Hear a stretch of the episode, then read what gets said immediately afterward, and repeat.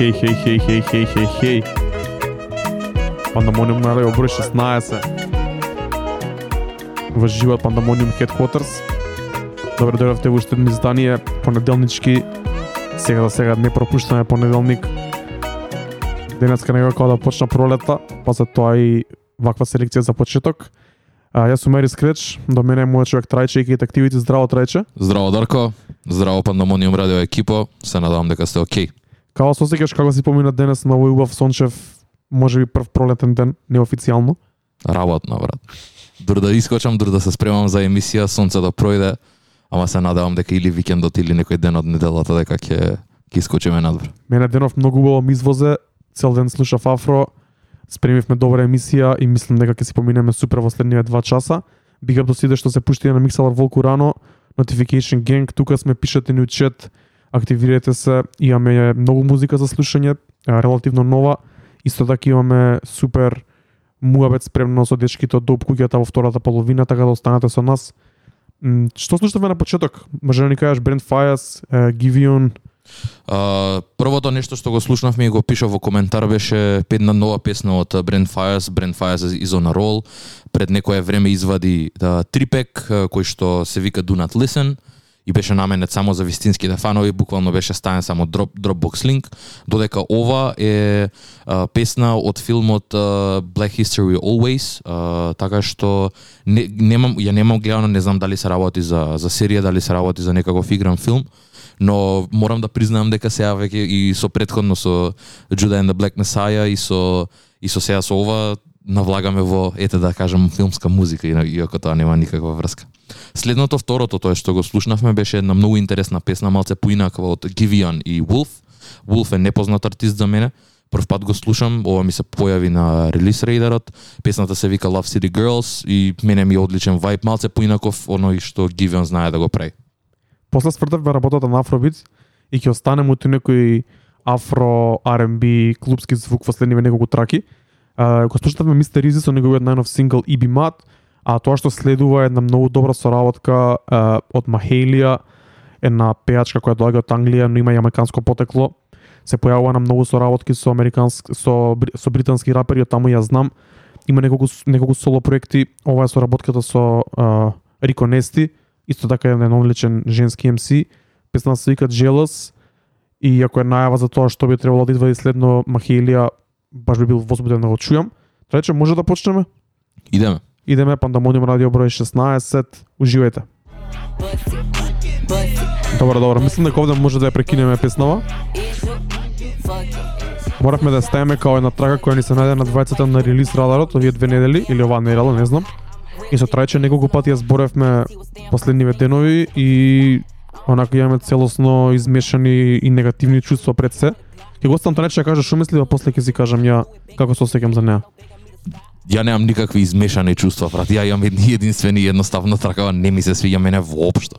Као тотален мисјузе на на семпл, на феноменален семпл. Шараут Драги, uh, срамота е ова да, да им го направиш на Нептунс. Hadin here beat песна и пол онака. И нели, не само Нептунс. И, факт. А, не знам, мене ми изгледа ова како Травис Скот овде да е стаен онака од лейбелот само за да за да земе еден голем чек онака на пари. Абе, не знам дали е стен од левелот дека е, ова е е, најверојатно е некој TikTok хит. Ја не сум запознат со TikTok хитовите.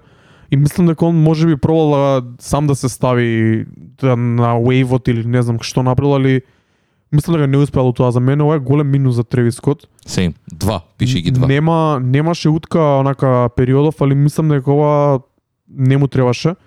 Прв пат кога ми се пушти песнава на Spotify, ја премотав во истиот момент дека семплот и како ги имаат направено на почеток ми беше прелошо, онака не можев воопшто да го одма само побрзав да да, да скипнам, си викам што е ова, ама не ни видов уствари што се дешава со песната, после тоа ми ја прати Ники уште еднаш, тогаш ја слушнав И ја трет пат. Да, и, и не знам, некако цело време не ми стана полошо и полошо, него едноставно ништо не ми се уклапа у песната, ни битот, ни Тревис Скот како звучи на неа, иако нели најголемите Тревис Скот фанови ќе речат дека е супер, може би нив им се допаѓа, окей е, да речеме ќе може би ќе беше потенцијален клубски бенгер ако бев му диско, али во моментов не. Нема да подлегнам на хајпот и ќе кажам дека ова е не за мене, дури мислам дека и да бевме у клубови дека немаше да ја ставам во сарато. Травис Скот do better. може, ова не му требаше. Факт, се слагам. Пишете ни што мислите за за оваа песна конкретно во четот. Сакаме да чуеме мислење бидејќи двајцата знаете дека не веруваме баш на хајпот, сакаме малце по објективно да ги гледаме работите и ова е минус за двајцата. Мора да се вратиме една песна назад. Тоа е ремиксот на Go Crazy. А, траката на летото за мене 2020 една од најдобрите траки на заедничкиот проект на, на Крис Браун и Young Tuck Slime B кој го третиравме на Пандамониум радио тоа што го слушавме прв пат не ни остави баш печаток, али оваа песна очигледно година дена покасно се тлее и тоа не бевме во клубови, да бевме во клубови ќе беше ќе имаш уште поголем ефект. Ако се прашувам ја, мислам дека со овој ремикс пробуваат да ја освежат и да ја направат актуелна и за ова лето и мислам дека успеа у тоа. За мене тракава е десетка, посебно Future, како се поклапа и на какво место е ставен, значи тоа држува, ти одржува внимание и на вториот дел од траката, кога би пуштал во диско би го пуштал само неговиот верс дека многу ми се свија и мислам дека покрај микстейповите ваквите фичерс на на Future се оние кои го прават еден од најголемите на оваа генерација. Кога слушнав, кога слушнав песната и неговиот верс го вратив едно 5-6 пати и си викам мене Future ми е топ 3. Ако ми се Drake и Kanye број 1 и 2, Future ми е дефинитивно топ 3. Тоа е тоа, ја можам само да се согласам со тебе конкретно за песната.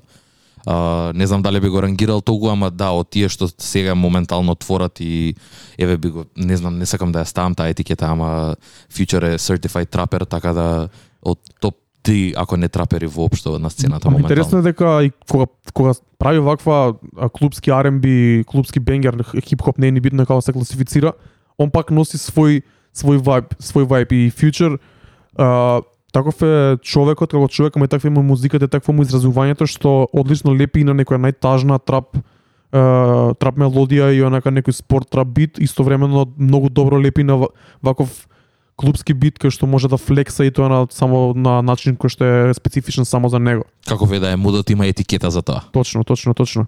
Uh, Future Big Up тоа е тоа. Uh, добро, поминавме на, на брзинка низ новите синглови. Мора да доработиме два албуми, односно првиот првиот е Deluxe, продолжението на албумот една на Heady One. Го зборевме веќе овој албум во ретроспективата. Heady One е еден од најдобрите британски рапери и артисти општо според мене. Албумот беше погодок. И да, зборевме дека Deluxe изданијава некако ја претера, али кога на добар албум ќе му се изводи солидно Deluxe продолжение, мене ми се допаѓа и тој концепт бар тука на една имаше два ефекти за мене. Као прво го преслушав албумот уште неколку пати, ме врати на трагата со, ски, со скепта која им некако имав пропуштено низ, низ целиот албум. Исто така од новите 8 траки 3-4 стварно ми се свиѓа, од кои две ги избрав за денеска да ги слушнеме. Првата е Siberia, на која му гостува Burna Boy и некој трака излезе претходната недела баш дента пред да падне снег и некако убаво се погоди утре дента која заснежи цело време беше у ротација. Сподот е многу интересен, Heady One е некаде да каде што е ладно, има снег и мраз околу него и на пола песна која почна Брна Бој се менја во летна атмосфера каде што се наоѓа Брна Бој најверојатно на, на Нигерија, во Нигерија. А, така да погледнете го спотот, другата песна која ќе ја чуеме се вика Level Up и следува после Siberia на на албумот.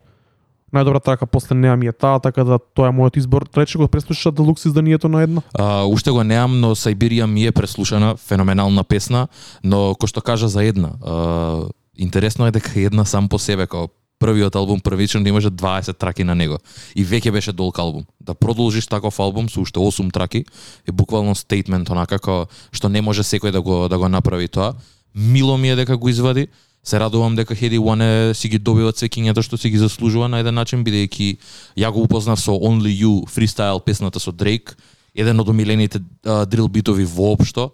А, така што да не должиме многу, кидеме со Сибирија, Burna Boy, Harry One. Идеме, може.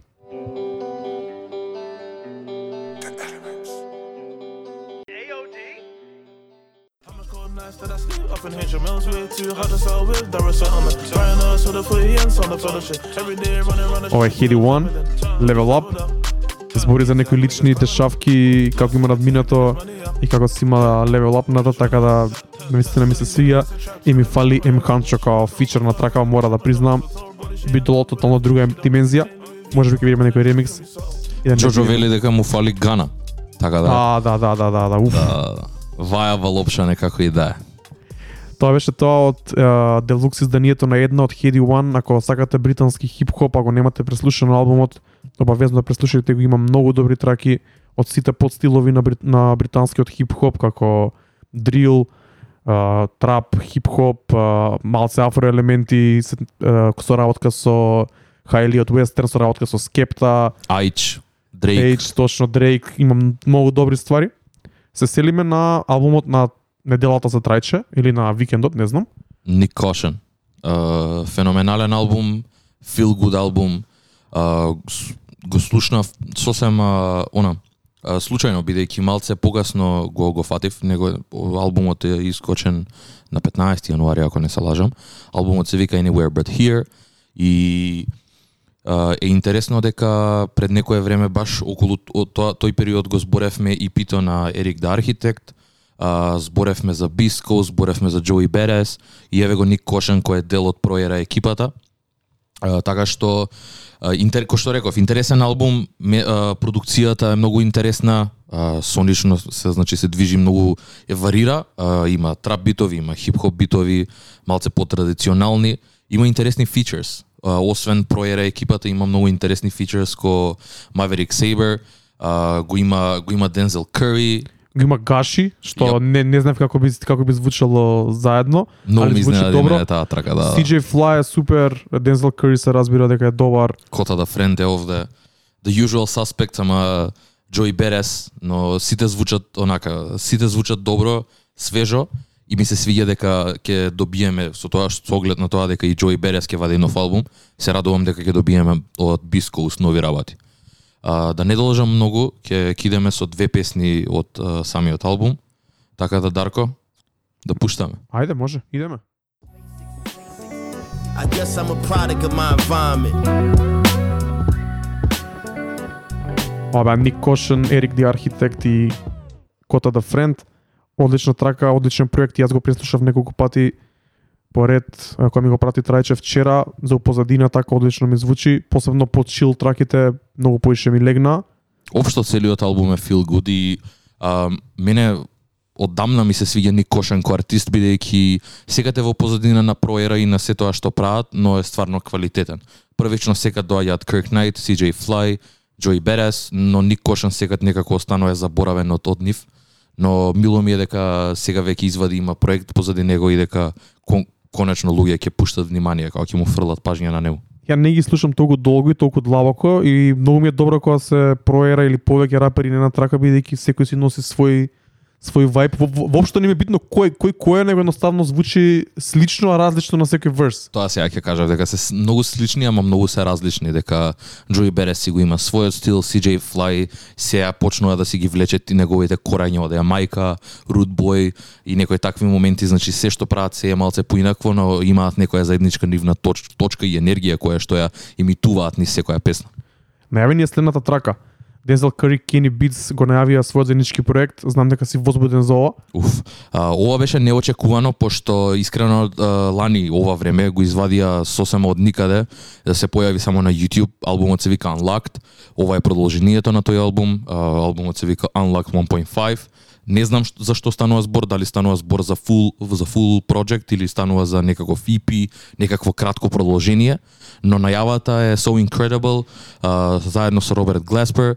Ова е интересна песна и пак ќе- кажам дека е проследена со анимации исто пред кои кои што предпоставувам дека се креирани од самиот Дензел Curry, бидејќи тој е мултиталент, онака работи на своји анимации, работи на своја аниме, ако не се лажам. Во некој одреден период мислам дека треба да искочи и негов цртан.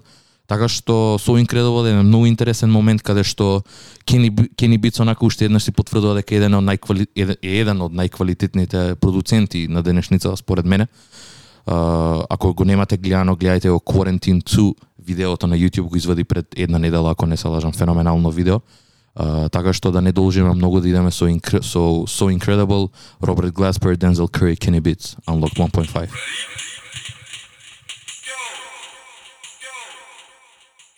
Тоа беше со Incredible, Denzel Curry. А, морам да напоменам сега Дамилев буквално ми прати во а, во DMs а, некоја трак листа, ја не ни знаев ова, нема прочитано. се работи за трак листата која што се вели дека ќе ќе биде овде има Alchemist version featuring Joey Badass, Charlie Hit version, Jay Versace version, uh, Benny the Butcher, така што има премногу артисти кои што се склопени во 8 траки, така што само во исчекување сум која ќе искочи ова.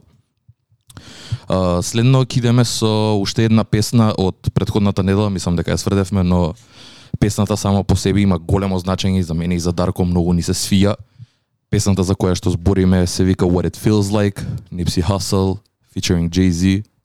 Кажи ми што имаш нешто да кажеш за песнава една недела откако ја пуштивме на Пандамони. Значи песна морав да ја ставам пак, а, поради тоа што едноставно Као прво го јас ја слушам постојано од кога излезе, постојано ми е во ротација песна на неделата дефинитивно Nipsey Hussle и изненад, изненадувачки многу добра е, колаборација. Уште поважно го гледав и филмот у саботата. and the Black Messiah, не знам ти дали го гледаше. Не. Го гледав филмот, е, инаку филмот се работи за Black Panther партијата која во 60-тите и 70-тите години работи во во Америка, на во неколку градови, Окленд, Чикаго и неколку други.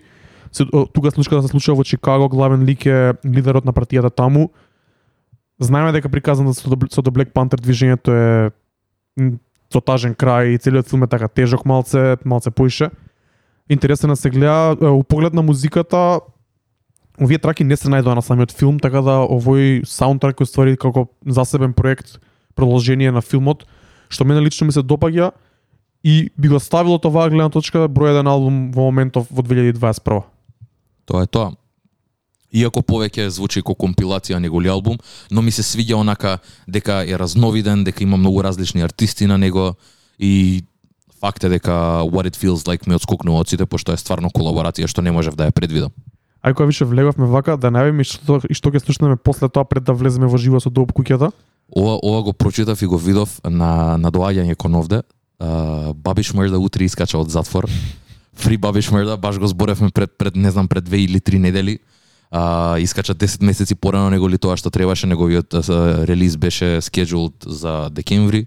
Искача сега на крајот на февруари. Така да сакаме да го поздравиме, зборевме за Rowdy Рауди Ревел предходната недела. А, ќе пуштиме една една песна за во негово име, така да ова е мојата омилена песна од Баби Шмрда, се вика Баби Бич, да да не должиме многу Дарко да Ајде иде. идеме What It Feels Like, па Bobby Beach и почнуваме во живо со Доп куќата преку Zoom. Уживајте, пишете ни некои прашања, чета ако имате.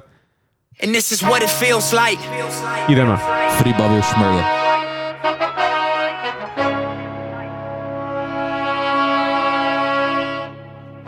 This is what it feels like.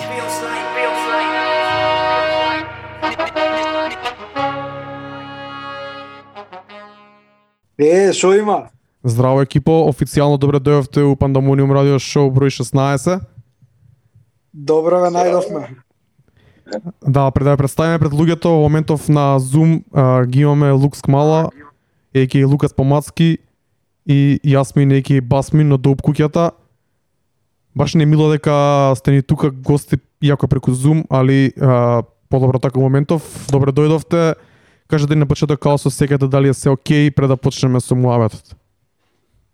Супер.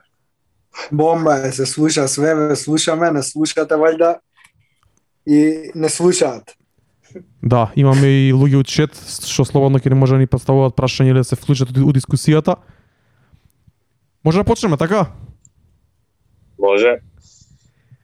Вака, прво сакам да ве поставам прашање, да ни кажете, да ни подобјасните малце подобро што е, кој е доп куќата, кој е член и ствари што означува доп куќата. Ајде, јас ми ти си по интро прашањата. Пошто си интроверт. Доп куќата таа ни е кај Лука куќата у центар. И пошто е под куќата уствари, таму е студиото, подрумот.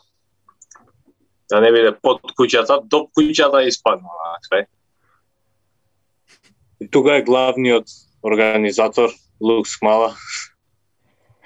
Другар му Лас Вегас. Јас, Слика и сите останати што ротираат тука Така.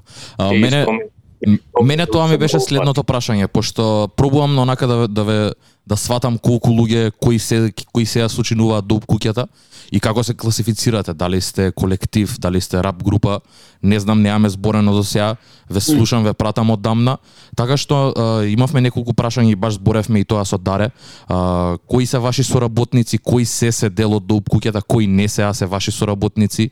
И дали на пример при донесот кон еден албум кој што вие го креирате, со оглед на тоа дека сте поактивни сега периодот, а, дали тоа го прави артистот да биде дел или да не биде дел од доп куќата? Пред се, доп куќата е името на студиото. Мислам, тоа е основата и од таму почнало се.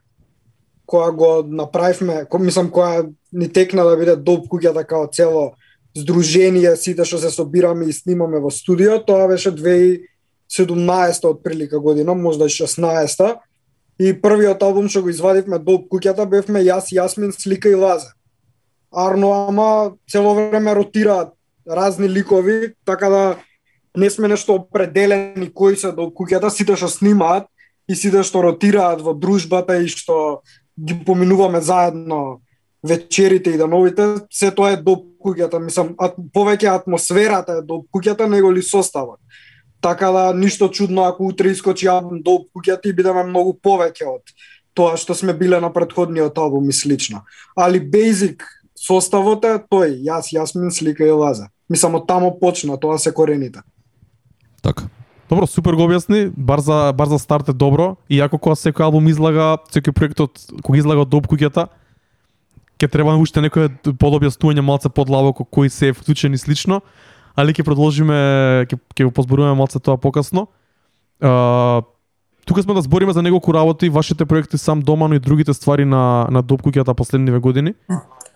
А, мене ме прво, да ја прашам, а, се активиравте повеќе последнава година или сменивте нешто пристапот? Бидејќи ми се појавувате многу почесто, гледам дека сте многу поактивни од сите страни некако излага ваш проект или некоја соработка или видео или настап или што и да е. Па тоа е прашањето дали променивте нешто у пристапот од 2017 навака, односно последнава година во споредба со првите, или едноставно ја не сум вимал, не сум вимал толку на радарот, а вие си терате исто како и секогаш. Па 3018 по наша исто имаше три албуми. 2020 исто испаднаа три плюс уште некои соработки од страна, уште проекти очекуваме. Така да ние ги планираме унапред стварите и си имаме у обзир работиме на ова, па работиме на она и секој албум си има свој простор и свое време кога треба да искочи, според тоа како сме го сработиле и се фокусираме повеќе на едното, па кога ќе завршиме со тоа, се фокусираме на на следниот проект, па на наредниот, па на наредниот. Така да у моментов со ова што искочија колку, не знам, 4-5 проекта последново, сега сме малку почисти онака, чекаме Пики и Вујса што ќе ни приредат. Така да тоа е моментално на мене.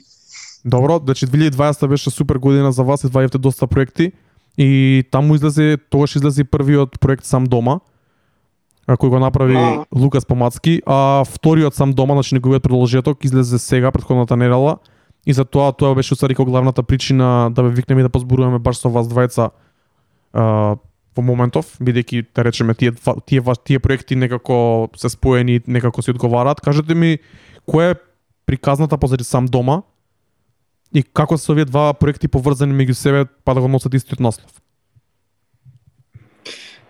Сам дома е идеја што ми текна дур се дешаваа карантините, првите карантини тука кај нас. Бевме сите затворени дома, беше многу досадно и имав многу вишок битови што требаше да се искористат и одлучив да се направи албум. Пред се идејата ми беше онака скроз лоуфа и скроз треш да биде. Сите да снимаат на мобилни, а да им ги пратам битовите и да добијам версови и да испадне некоја компилација и онака да биде скроз као од ракав фрлено. И не знам, испадна така по по зрели ствари, испадна албум. Сам дома, пошто сами дома бевме тој период и тоа е тоа. Така ептен спонтано беше све. У две недели го направивме цел комплет. Со се снимање, со се миксање, со се све. А вториот дел сам дома е почнат да се снима веднаш од кога го издадовме сам дома Кец, со тоа што се работеше со поспор интензитет и му требаше до сега дури да се направи цел и да се издаде. Пали беше онака скроз слабо без брзање. И тука беа матриците, се, се снимаа вокали, се препраќа и ева го искочи се адре. Кажи ми која е твојата улога во сам дома 1, а која е улогата на Басмин во сам дома 2 и зашто е ниот као под, остра, изваден од страна на едниот артист, а другиот од страна на другиот? Пошто сам дома еден го продуцирам јас, целосно, со исклучок на две песни што сакав да ги вклучам инструментали од Слика и од Мика, а сам дома 2 е продуциран цело од Басмин, од Јасмин. Што значи тоа е ко на филм двајца различни режисери да има, али истиот серијал. Добро, ама значи продуцентот е, е основата на, на целиот проект. И, не- и во едниот и во другиот продуцентот Да. е тој што го води проектот некако. Дали дали дополнително и ставате версови ваши? Па онака у Како позадина. дали ние оставав Да. У позадина, ја имав еден верс, тука мислам дека има два на нековиот таму. да, Јас сакам да ве прашам нешто во врска со да, вашите така. О, извини. Докажи се. Така беше и сакав да кажам дека тоа е поентата на целата работа, зашто ту бација нови имиња, зашто не Лукс Мала и зашто не е Јасмин, пошто ако пример го издаев јас албумот под псевдоним Лукс Мала, се очекуваше дека е мој личен албум и ќе се очекуваше дека јас на сите песни ќе треба да рецитирам. И мораше да се одвои тоа, да се направи една друга перспектива за да се осети дека е друг дел од мене што ја го вложувам. Така. Лукас Помацки е продуцентот, он ги прави битовите, брат, он ја прави музиката. Може да ни ги објасните алтер егата на Да, членовите да. на Доп куќата? Да, да. Јаспен си е Јаспин, тој што си рецитира. Добро. Елиот Деп е оној гладниот бурек што сака да јаде многу. Добро. Басмин е продуцентот уствари. Тоа што многу сакам бас. Иако малку потешко ми иде, ама добро.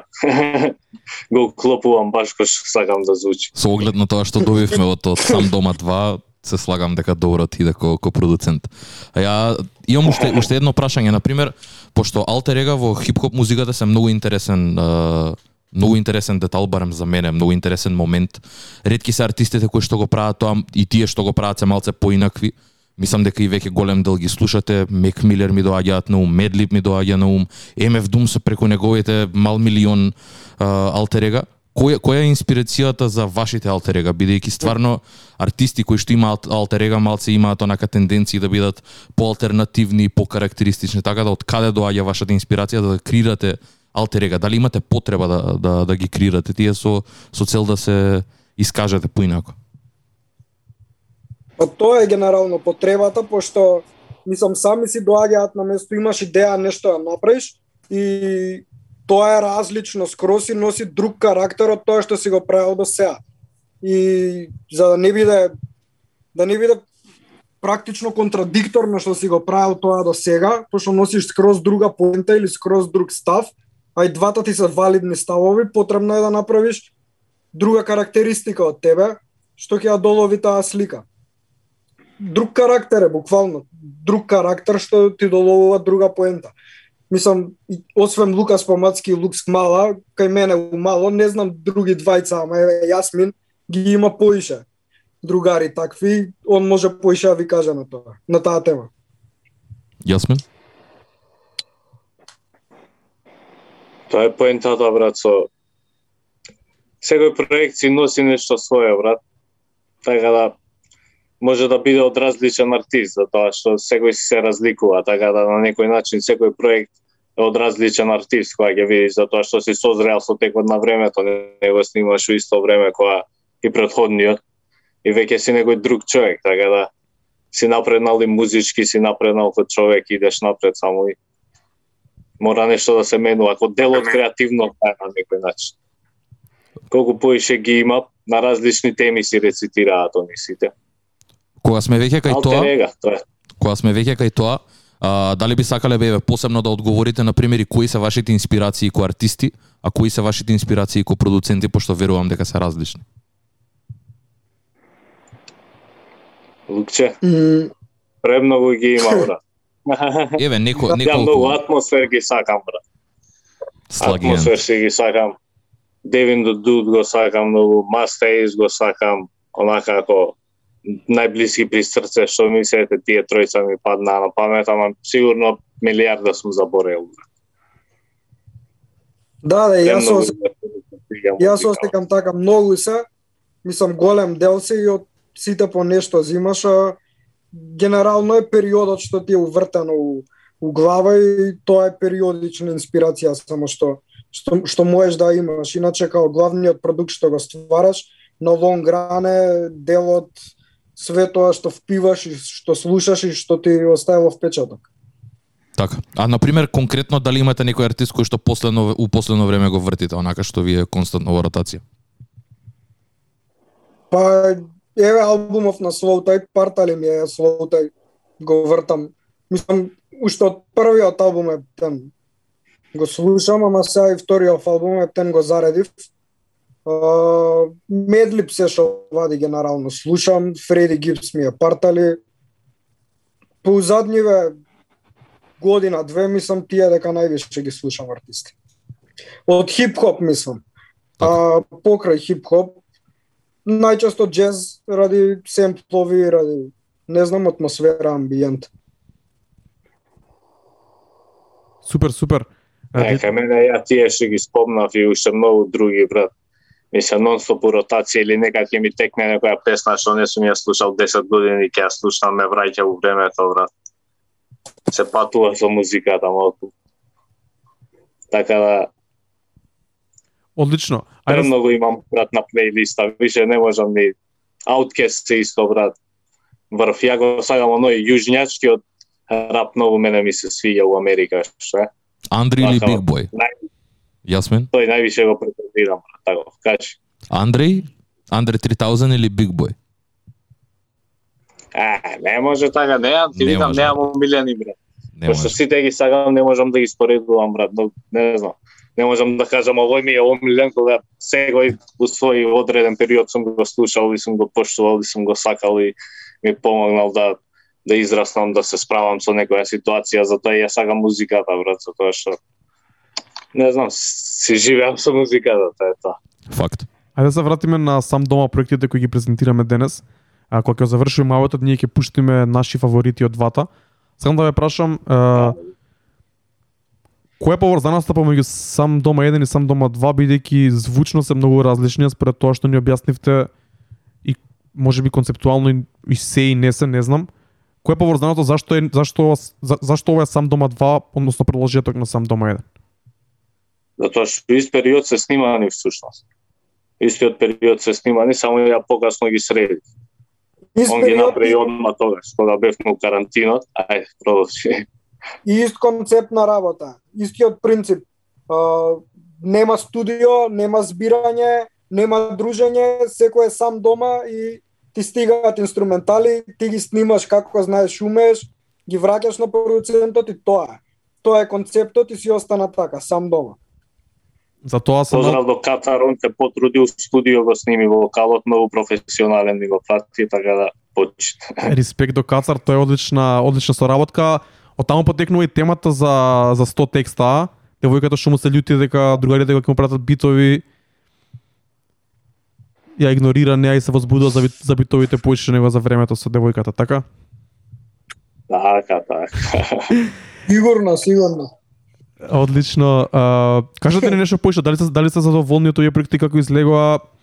Онака overall кој е филингот еве сам дома еден скоро една година е веќе надвор, сам дома два е краток период, кои се реакциите на луѓето, дали сте вие задоволни од нив?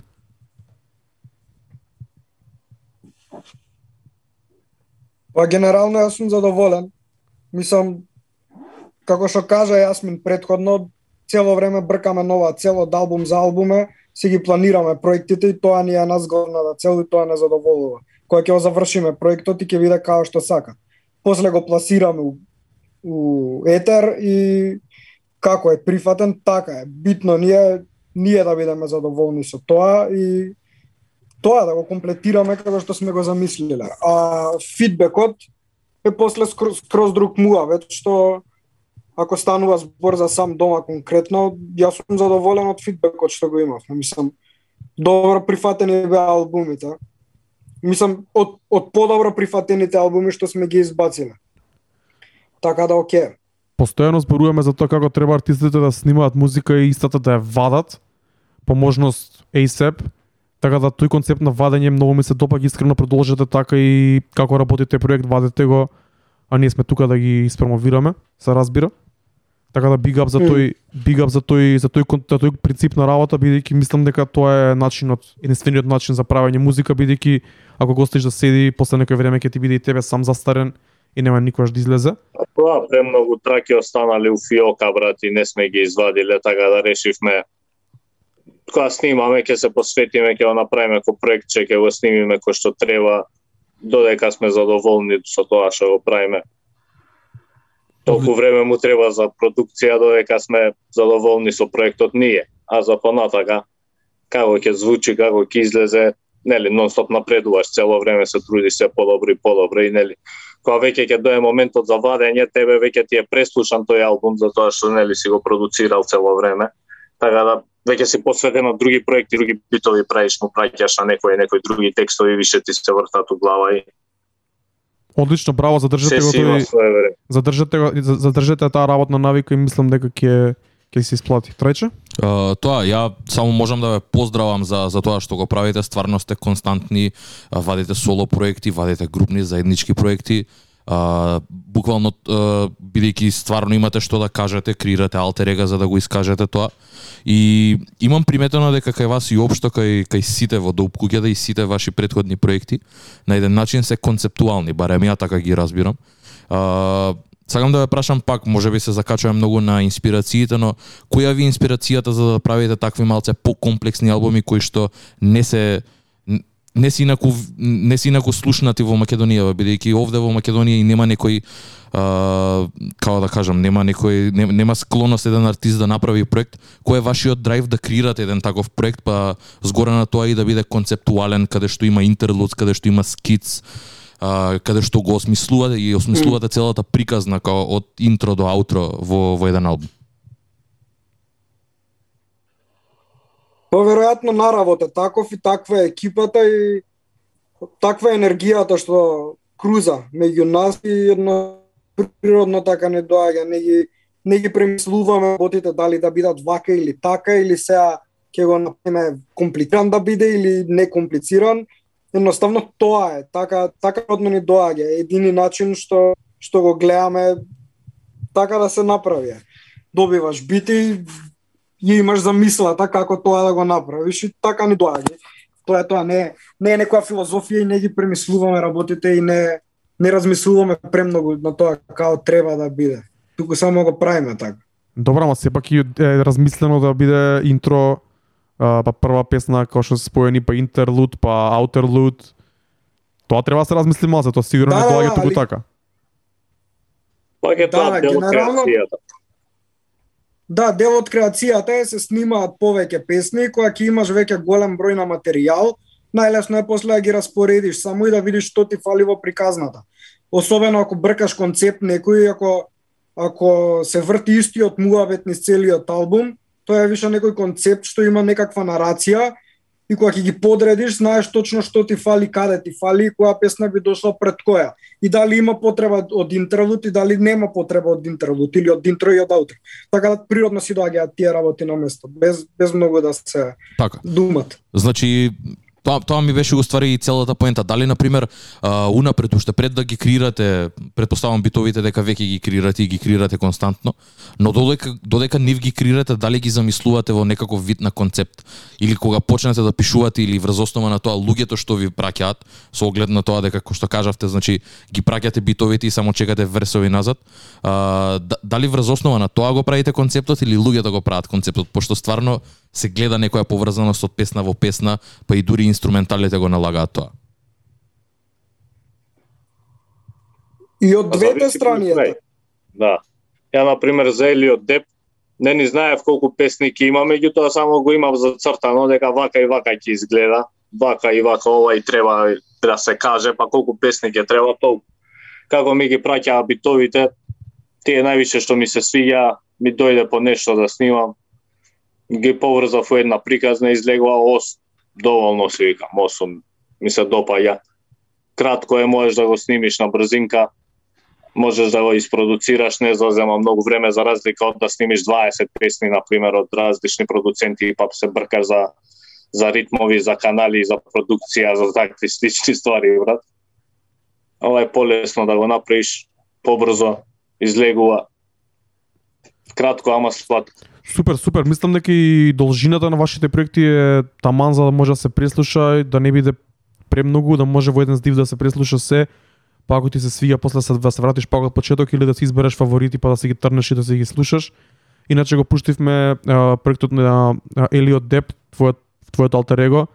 И мене нај- најдобар момент таму ми е она спојка од три песни од кога излагаш од Капанан па се до Сабајлето дока е девојката. Тоа ми е и Феноменално. феноменален Да, концепт да, и да. со, со делот и со делот од текстот ти можев да си е, поистоветам така да тоа беше одлична онака целина од три од три траки кои значуваат една приказна што за Македонија е next level ако ја се прашувам.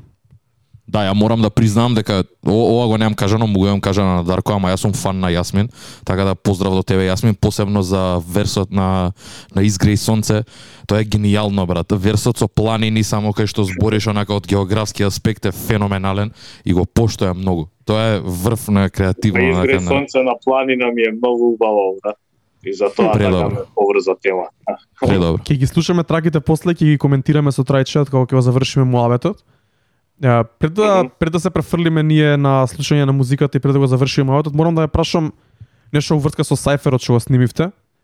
А, пред се од каде доаѓа инспирацијата и таа потреба да се каже тоа, бидејќи ја лично не сум фан на таков начин на под наводници хейтање и накажување на работите така и неопшто накажување на тие работи, мислам дека е поише фокусот треба да се биде на својот арт него на другите, али ме интересира вашиот тейк на тоа која е инспирацијата и која е потребата онака да да го направите тоа така. И ако ќе излажам ако кажам дека не се слагам со полу од стварите таму што ги кажувате, тоа си се држи вода и така си е, него онака, за, едноставно зашто го направивте тоа и као со сегате за тоа. Тоа е бетал рап и тоа е се дешавало од секату низ историјата на хип-хопот и да се кажат да се направи реалити чек на као стојат работите. Што ништо не измислуваме ние и не кажуваме некои ствари што не се така, баш ги кажуваме сурово и вистинито како што е ситуацијата. И тоа е добар реалити чек, увек да имаш една контратежа на тоа што се случува, пошто до, имаш сега медиуми еден куп што добиваш разно разни фаци што ти кажуваат разно разни глупости и било како ти се представуваат и ти прават било какви филмови и тоа е добро брат увек секогаш да се да се поништи тоа со некој зрел муабет или да се изнегира тоа а пред се тоа е културата на хип-хопот така да нема што повеќе од тоа да се каже освен дека тоа го правиме и тоа се правело и од секогаш било така Добро, добро, фер, мислам тоа е тоа. Супер одговор ми дае. Ме интересираш од каде од, од, од каде доаѓа али ако тоа е ако, ако целта е да се да се добие таа антитеза во општеството или во на хип-хоп сцената, мислам дека успевате во тоа. Со тоа што јас би сакал да видам Тоа е само еден дел да направи реалити на ситуацијата што се дешава тука кај нас.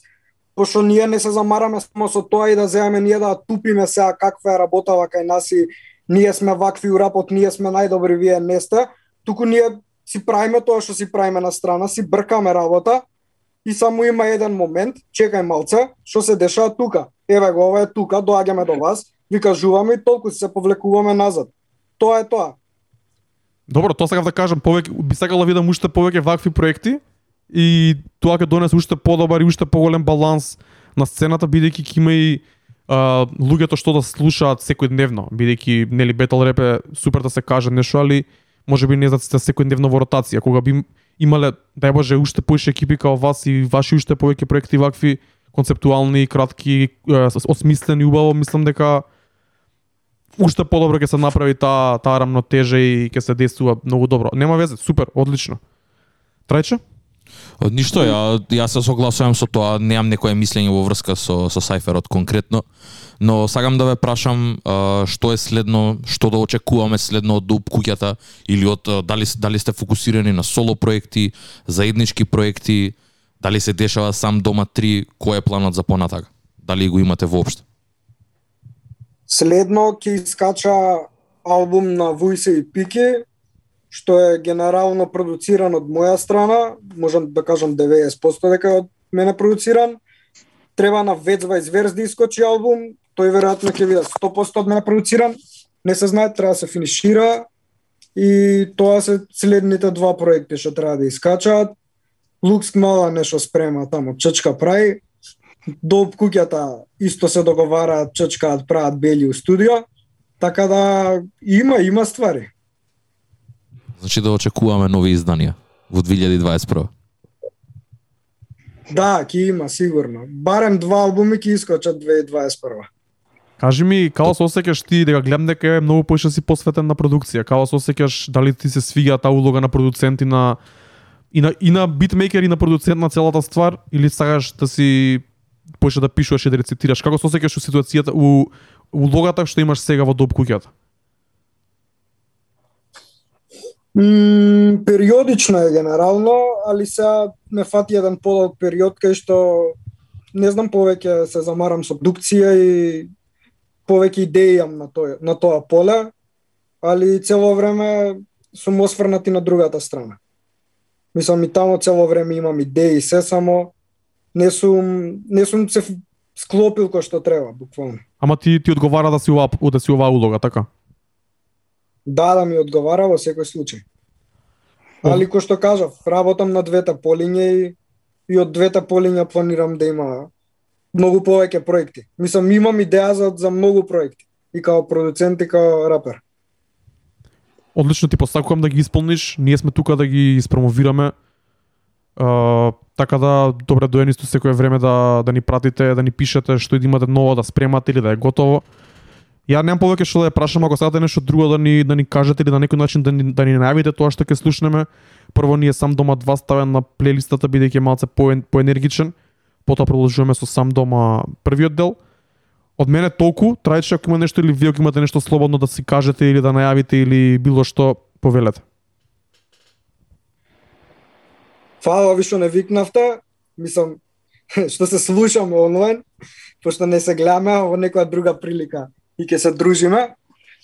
Um, да пуштам поздравчиња до цела Доб Куќа екипа, до Орки генг, до Класи генг да пуштам поздрав, до Незгодни момци да пуштам поздрав, до Благојчо од Каменица да пуштам поздрав и до Желе да пуштам поздрав, пошто слушат джес исто као мене. Ги видов коментарите, брат, прелуда. Хип-хоп Маседонија групата. Ама нема да навлагаме Ја не сум запознат со тоа, ама добро. Ништо, фала ви на дружба многу. Ние ќе идеме со сам дома два, па после ќе даеме ќе направивме селекција од двата албуми. Ќе ги пуштиме, ви благодарам уште еднаш што што бевте дел од Пандамониум радио шоу. Се надевам на дека ќе слушнеме наскоро нов некој проект, па кој што кажа Даре да го поддржиме тоа, па не знам ако се среди ситуацијата, може и да ни бидете и гостини овде директно во емисија. Така да фала ви уште еднаш момци, имајте убава вечер и се гледаме следниот пат. Поздрав. Ова е на вас. Поздрав дечки. Поздрав екипо. Поздрав. Ќе ве мутирам сега, ние ќе продолжиме со со емисија. Е, тоа беа Доп куќата.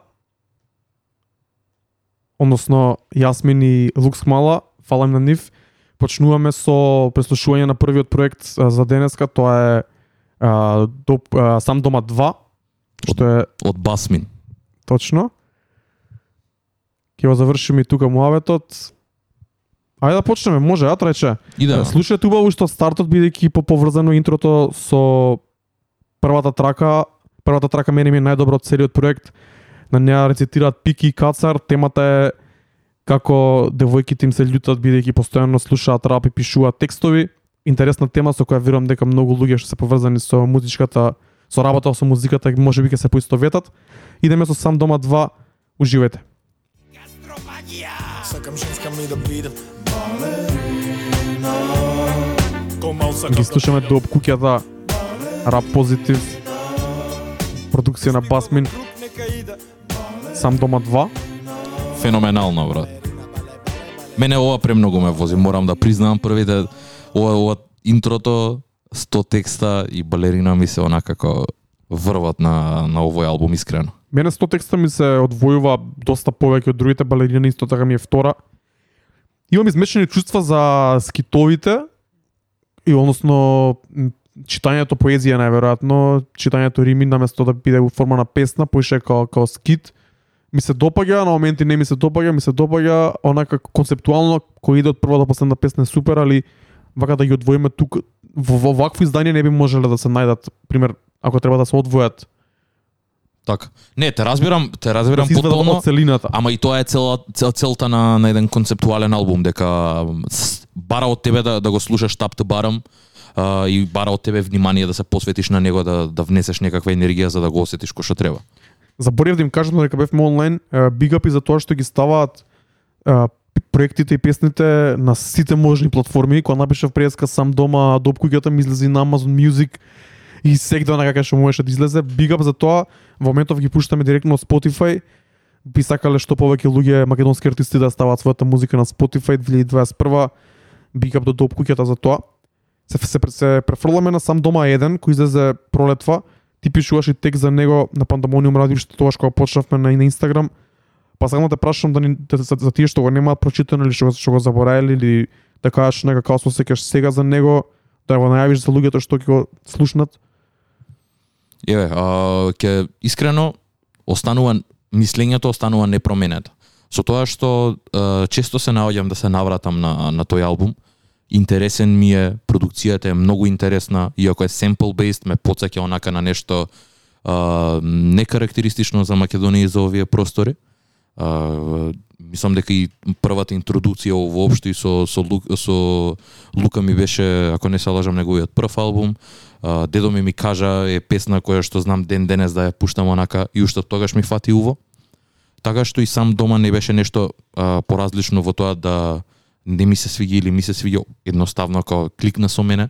А, албумот е таков кој што е полне со версови, има интересни рими, има интересни концепти внатре, кој што каже и Лука малце е помек, Uh, се обработуваат и grown up uh, она, иако не бил наменет за такво, не била прв, првичната замисла таква, тоа сега го дознавме, но uh, како да кажам, албумот е онака за grown up, како се, се, се збори за ствари кои што кои што инаку не, не би ги очекувал. И мене тоа ми е онака и може би пошто на моменти и знаат да да прават нешто што е несериозно би рекол, но тоа е целата нивна естетика на на на нивното творење, со тоа Имаат и што тоа и тоа, имаат и тоа, имаат и и тоа. бетл. и таа е потребата тие да креираат и алтер ега каде што ќе може да ги да ги искажат тие работи и ги поштувам за тоа. Стварно, хип-хопот е еден таков медиум кој што ти дозволува што сакаш да правиш. Ако до, ако имаш за што да збориш, можеш да најдеш милион начини да го да го направиш тоа и само ги само ги поздравувам за тоа и се надавам дека ќе продолжат вака и со ваков work ethic да да работат и да бидат константни бидејќи стварно се едни од најконстантните артисти моментално. Да не ги забораваме и Лас Вегас извади проект и соло и бегајте дечки онака еден хайлайт на на сам дома на кецот. А, боле исто така е боле ми е еден многу интересен момент бидејќи и месеци подоцна, скоро година подоцна, трага да е 9 минути и кога ќе ја пуштам не можам да ја запрам некаде на пола. Едноставно морам да ја слушам тап та барам, а е долга како не, нечиви проекти. Така што big up, да не должиме многу да доколку сакате стварно да да го да го видите или да го прочитате моето мислење и што мислам ја искрено за албумот уште, кога го преслушав. Завратете да скролнате низ нашиот пејч, ќе го најдете, ќе го постираме и на стори нашето ревју, така што отворете го, читнете го, преслушајте го албумот, а ние сега ќе кидеме со мала селекција од него. Дарко? Може, идеме со трагата покрај мене, па после тоа следи изгресонце која спомна трајче заедно со Јасмин во муабетот и после на иде секоја ноќ. Уживајте во сам дома, слушаме тоа и после се приближуваме до крајот на 16-тото издание. Идеме со топ куќата. МК сцена, пише да ни учет како ви се свија.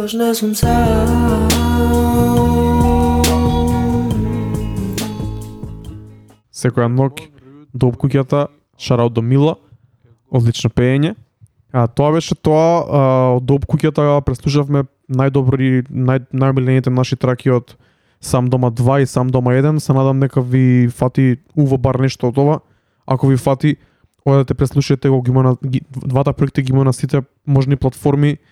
А, напишете до- напишете до обкуќата, чујте, преслушате што има и од другите членови на на екипата и очекуваме нови проекти од Доп куќата и од цела поширока екипа па да ги промовираме тука. Тоа е тоа, секогаш сме отворени за промо.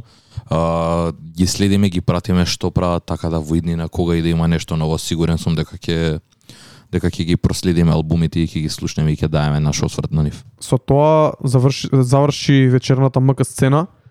Уште еднаш имаме квалитетна МК сцена, се надам, се надам нека следната ќе направиме на добра селекција од се што излезе на македонскава сцена последниве неколку недели од целиот спектар на хип-хопот и ќе позборуваме за тоа и ќе слушаме пак. Многу сакаме да ни е секоја МК сцена полна и имаме со кого да правиме муабет, имаме нова музика за преслушување и се надеваме дека ќе биде така во иднина. Дај Боже за 2021 да направиме и МК ретроспектива, брат. А о, тоа би било одлично. А, Тоа би било има феноменално. потенцијал да се направи такво Јап. нешто. Така да рапери вадете музика. Вадете музика да не можеме да направиме ретроспектива на крајот. Пред да се одјавиме, мора да позбориме за една вест која стигна попладнево. Иако Daft Punk не се хип-хоп, мислам дека имаат го, големо и огромно влијание на поп сцената, на електронската сцена, на фанк сцената. А, може и помладите слушатели ги знаат Daft Punk преку The Weeknd. Има неколку соработки, а, Daft Punk одлучија да се раз, да се раздвојат, да го прекинат своето постоење 28 после години. 28 години, Јап. точно. А, тоа кој што кажа, ја мислам дека нема човек кој што на еден или на било на, на друг начин и нема слушнато некоја мелодија или нешто од Daft Punk. А, кој што кажа, не се директно поврзани со хип-хоп музиката, но еден на еден начин и се. Дури во еден момент беа и интегрален дел од хип-хоп музиката, мене ако ме прашуваш, посебно делот каде што почна да се популаризира аутотюнот, посебно Kanye West, Да, да, да. Stronger беше онака а, врвот во моментот кога искочи, така да Па дури мислам дека на од Busta Rhymes, она Touch It, Bring It, Јап. тоа мислам дека исто Daft Punk. Исто, исто. Така што има многу многу моменти каде што тие буквално се се, се внесуваат и се вметнуваат и ја, ја на еден начин ја ин- инфлуенсираат а, хип-хоп музиката. Иако преку електронски звуки, звуци во свое своевремено ја а, револуционираат и диско музиката, ја враќаат на сцена.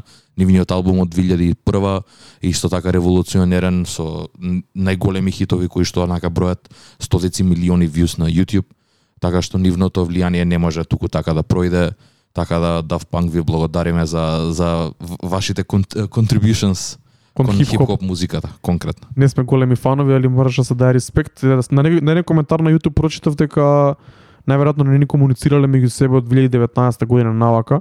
Ако е така, ја мислам дека е добро да се заврши една приказна отколку да стои така отворена и така и се осеќам и за прекинување и распуштање на бендови, групи, колективи, ако едноставно не се не се членовите веќе на ист левел, не им оди муаветот, не им оди креацијата на музика, не се слагаат ради разноразни причини, некогаш е подобро да се затвори тоа отколку да тлее така Јап. до нема и каде онака само нешто негативно може да се случи вака е подобро на на high note да да си отидеш иако секогаш постои можноста да се вратиш после пак така.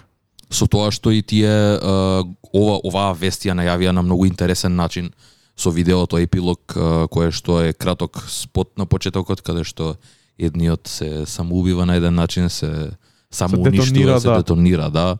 И тоа е тоа. Почнува песната и на, на многу интересен начин. Значи песната се вика епилог, така да тоа е тоа. Мислам дека она high note го завршува тоа ова патешествие нивно. Ја тоа видео го сватив као дека нениот член веќе не му се бидува дел од Daft Punk, И што е и- фер. И, и тоа, тоа беше и мојата ин, ин, интерпретација на видеото, ама го поштојам тој потек. Big up Daft Punk, big up до сите што останавте со нас до крај на Pandemonium Радио Show 16, big up до Лукс Кмала и Јасмин од Доп куќата за Zoom муаветот, извинете за малите технички проблеми.